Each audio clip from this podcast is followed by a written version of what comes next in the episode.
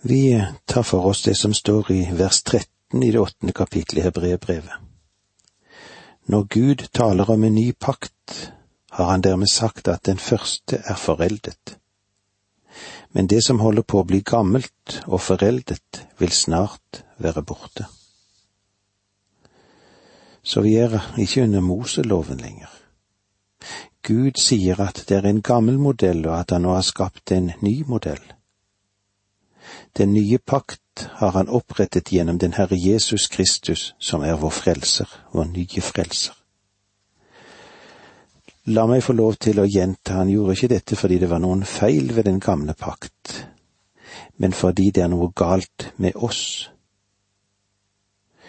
Jeg har vondt av de mange mennesker i dag som forsøker å komme tilbake og greie seg gjennom den gamle pakt. De forsøker å holde alle sider ved Moseloven, men om de virkelig vil studere den ærlig, så vet de at de ikke kan holde Moseloven.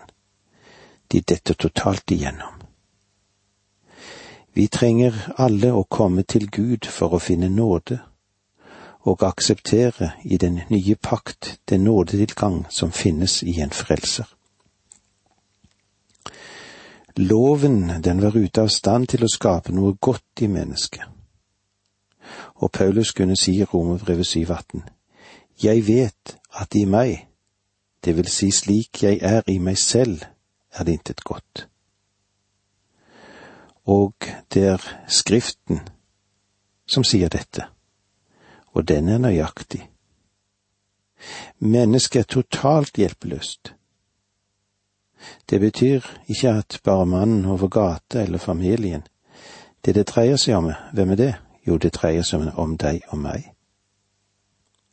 Men Den hellige ånd er nå i stand til å gjøre det umulige. Den hellige ånd kan skape et hellig liv i et svakt og et, i et syndig legeme. Det loven ikke kunne gjøre, det er Den hellige ånd i stand til å gjøre. Derfor må du og jeg bli frelst og leve det kristne livet etter dette nye prinsippet. Vi har en ny pakt basert på bedre løfter.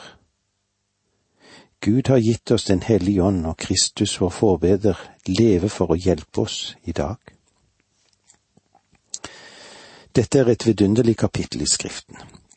Om du ønsker å bli ferdig med melke dietten din? Ja, melk er bra for deg, og her er melk i ordet, men du må lære å spise noe mer enn dette. Du må få mer kraftig kost inn i ditt liv. Du må legge mer vekten på den levende Kristus, hans himmelfart, hans forbønn for deg og hans forbønn for meg. Når du griper tak i den levende Kristus, så løftes du opp. Og høyere kommer vi ikke i den tid som vi lever i.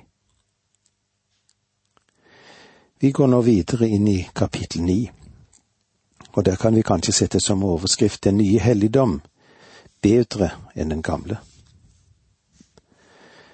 Vårt hovedtema er prestetjenesten for den Herre Jesus Kristus, som er prest etter Melkisedeks vis. Det ble satt frem for oss to tjenester som står i skarp kontrast til hverandre. Den levittiske tjeneste, tjenesten etter Arons prestedømme, ble utført i et jordisk tabernakel her nede. Og denne helligdommen her på jorden var bare et uttrykk for den helligdom som er i himmelen den helligdom der den Herre Jesus tjener i dag. Og denne helligdommen i himmelen står for en bedre tilbedelse. Mange mennesker ser på loven bare fra de ti buds synsvinkel. Men brevet til hebreerne, de nærmer seg loven fra en helt annen side, fra lovens plass i tilbedelsen og prestetjenesten og denne synsvinkelen legger vekt på å løse spørsmål om synd, og som forfatteren vil påpeke, så har loven egentlig aldri kunnet løse syndespørsmålet. I Hebrebrevet 10,4 står det, for blodet av okser og bukker kan umulig ta bort synden. En jordisk helligdom betyr ikke at det var noe verslig, men det betyr en helligdom som var plassert i denne verden. Det vil si at den også var laget av materialer som hører vår verden til. Den ble laget så lang og så bred og så høy, og det var et ritual som folket fulgte i helligdommen her nede. Så sett, så, så, så sett var denne verden. Forfatteren vil senere sette denne helligdommen opp mot den som er i himmelen. Vi leser fra vers to i kapittel ni. Det var reist et telt, og i dette forreste teltet, som kalles det hellige, var lysestaken og bordet og skuebrønn. Det var reist et telt. Legg merke til at vi ikke blir ført tilbake til tempelet. Her er ingen henvisning til Herodes sitt tempel når det gjelder å illustrere det forfatteren er etter. Selv om det tredje tempelet da fremdeles fungerte, så bruker ikke forfatteren det som modell, men han går tilbake til den beskjedne helligdommen som Gud ga Moses i ørkenen. Det var reist et telt, og det ble laget av materialer som verden kunne gi men formen og innholdet var bestemt fra himmelen. Og derfor uttrykk for den helligdom i himmelen og det den representerer, men i svært beskjeden skala. Som kalles det hellige. Det vil si at det var et hellig sted.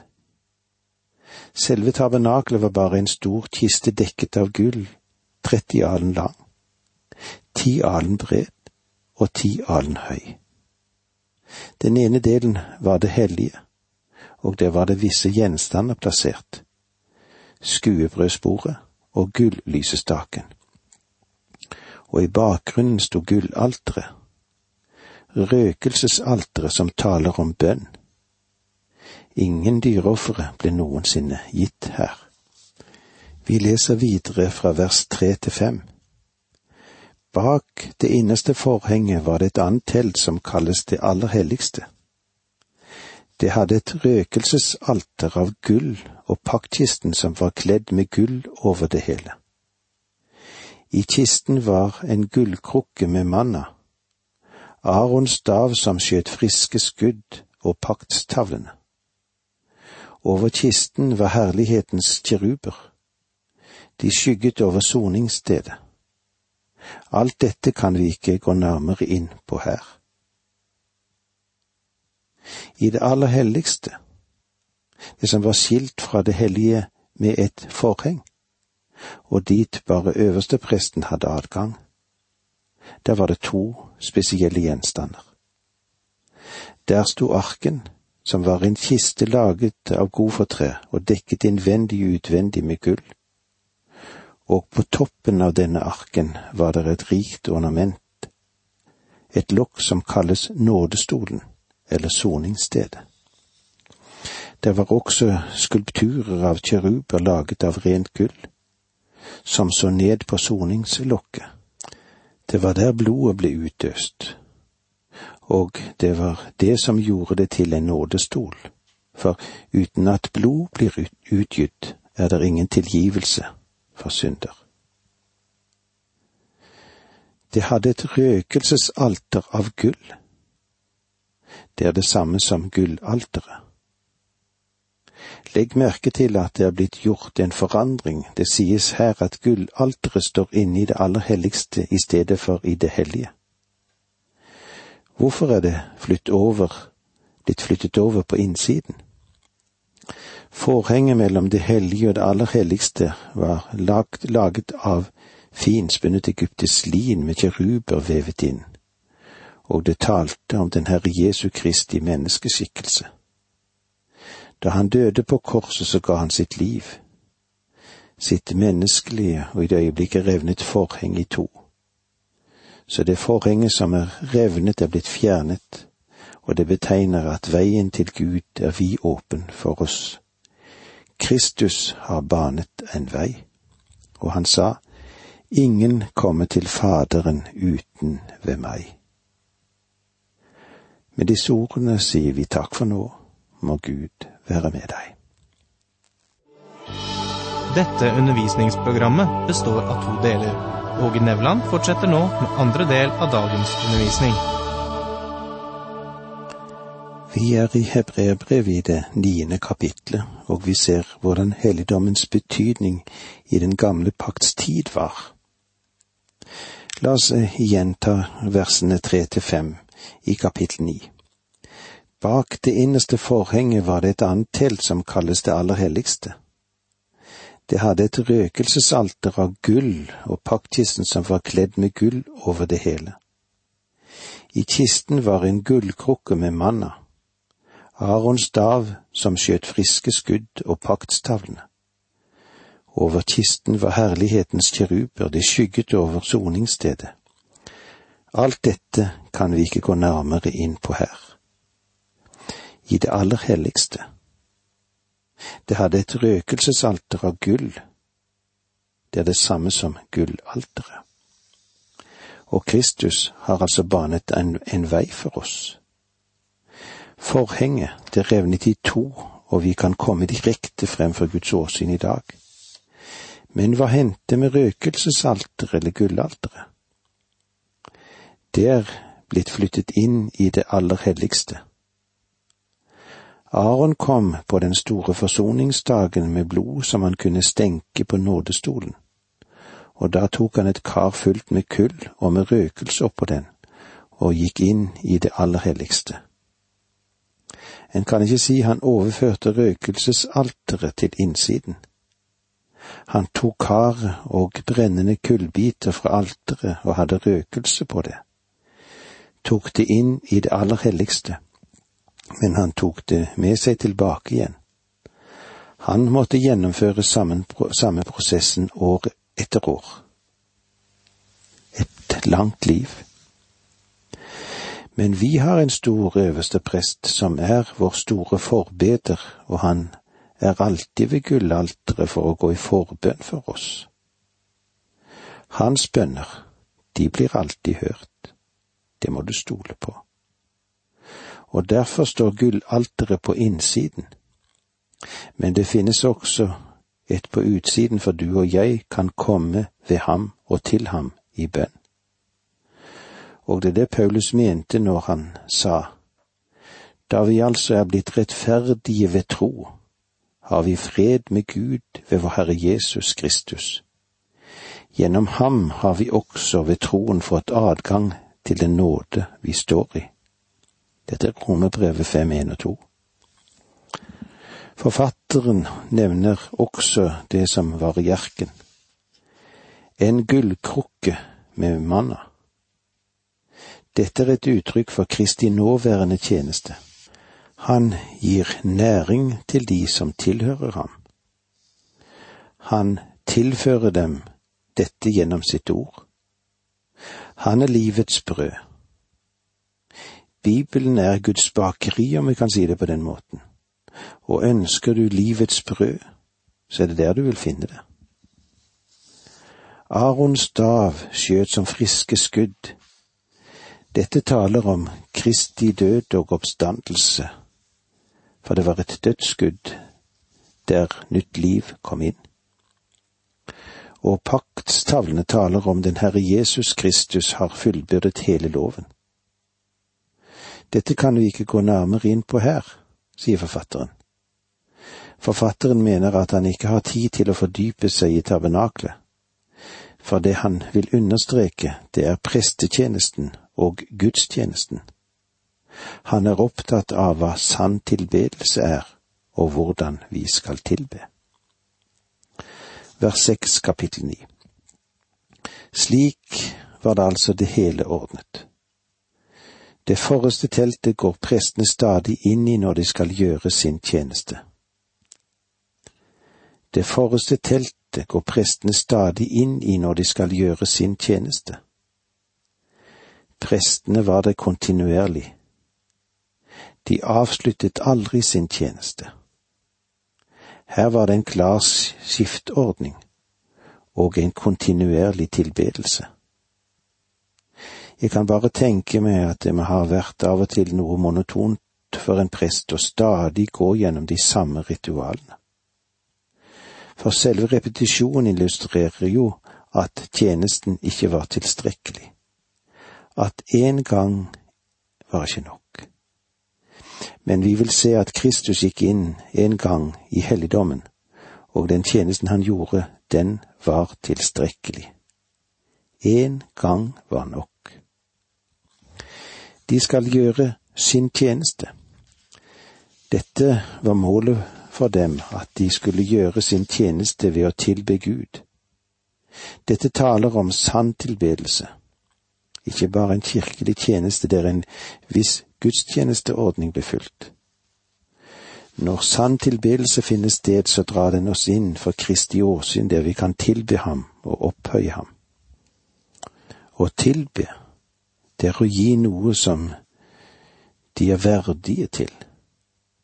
Den Herre Jesus Kristus er verdig til å motta vår pris og vår takksigelse. Det er tilbedelse, og fra den flyter vår tjeneste. Sann tilbedelse leder alltid til tjeneste.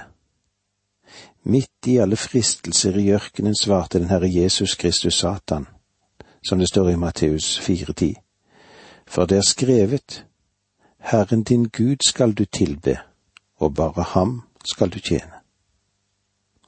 Du behøver ikke å trygle eller tvinge noen til å gjøre noe om de ikke har fått del i sann tilbedelse av Kristus. Fordi sann tilbedelse fører til glad tjeneste. Mange prester og menighetsforstandere må bruke svært mye tid på å overtale mennesker til å gjøre noe. Kanskje overtale dem til å gi. Overtale dem til å besøke mennesker. Overtale dem til å være med i undervisningen med barna eller overtale dem med å være sammen og synge med barna. Sann tilbedelse vil føre til tjeneste, og denne tilbedelsen er bare mulig ved Jesus Kristus. Ritualene i tabernaklet førte aldri folket inn for Guds åsyn.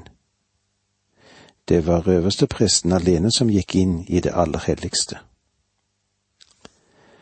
Vers sju men i det andre går bare øverstepresten inn én gang om året, og aldri uten offerblod. Det bærer han frem for seg selv og for folkets forseelser. Han taler om den store forsoningsdagen. Det var Jom Kippur, i særlig mening israelsfolkets største dag. Dette er dagen da øverstepresten gikk inn i det aller helligste på vegne av folket. Og som et resultat av at han gjorde det, så ble folket tatt til nåde, akseptert for ennå et år. Vår store øverste prest har gått inn i det aller helligste, inn for Guds åsyn. Han er gått dit inn, og han er ikke kommet ut igjen. Han kommer til å være der så lenge vi er i verden. Når han kommer ut, så kommer han for å hente sine egne.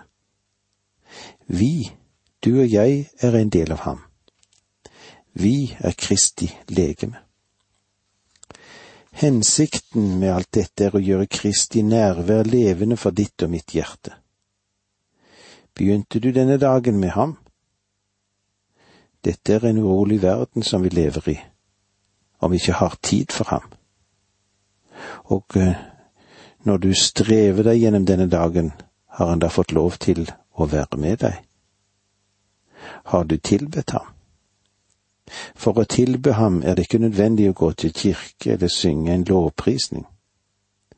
Selv om forfatteren av dette brevet vil oppmuntre deg til å gjøre det, fordi vi trenger å komme sammen med Guds folk og delta i en samlet tilbedelse. Det er viktig og vesentlig for vår vekst, det men vi kan tilbe ham hvor vi enn er. På åkeren, på kjøkkenet, på fjellet, i skolen, i bilen eller hvor det måtte være. Du kan tilbe ham på kontoret. Du kan tilbe ham i klasserommet. Du og jeg trenger å utøse vårt hjerte i tilbedelse og lovprisning for hans åsyn.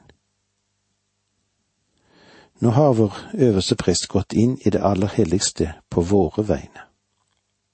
Og det er ikke vanskelig å skjønne hvor mye bedre dette er enn det fortiden representerte da øverste presten gikk inn i det aller helligste en dag i året. Og han ble ikke værende der. Faktisk så skyndte han seg ut igjen. Tradisjonen forteller at han faktisk hadde en lenke rundt foten. For hvis han gjorde noe galt, så ville han bli slått til jorden, og de måtte dra ham ut igjen og få en ny øverste prest. Og hvilken herlighet denne tilbedelsen representerer. Vår øverste prest har gått inn for Guds åsyn, han har gått inn for deg og for meg, og han er der i dag. Moses han ba om å få se Guds ansikt og fikk vite at han ikke kunne få se Gud. Men du og jeg har en øverste prest som har gått inn for Guds levende åsyn. Vi tilber ham ikke bare gjennom å delta i et rituale. Vi tilber ikke ham ved å brenne et lys eller en røkelse, eller å ha vårt eget lille alter. Det kan være et uttrykk for tilbedelse, men tilbedelsen, den har med et hjerteforhold å gjøre. Og hvordan er ditt hjerteforhold med Jesus? Takk for nå, må Gud være med deg.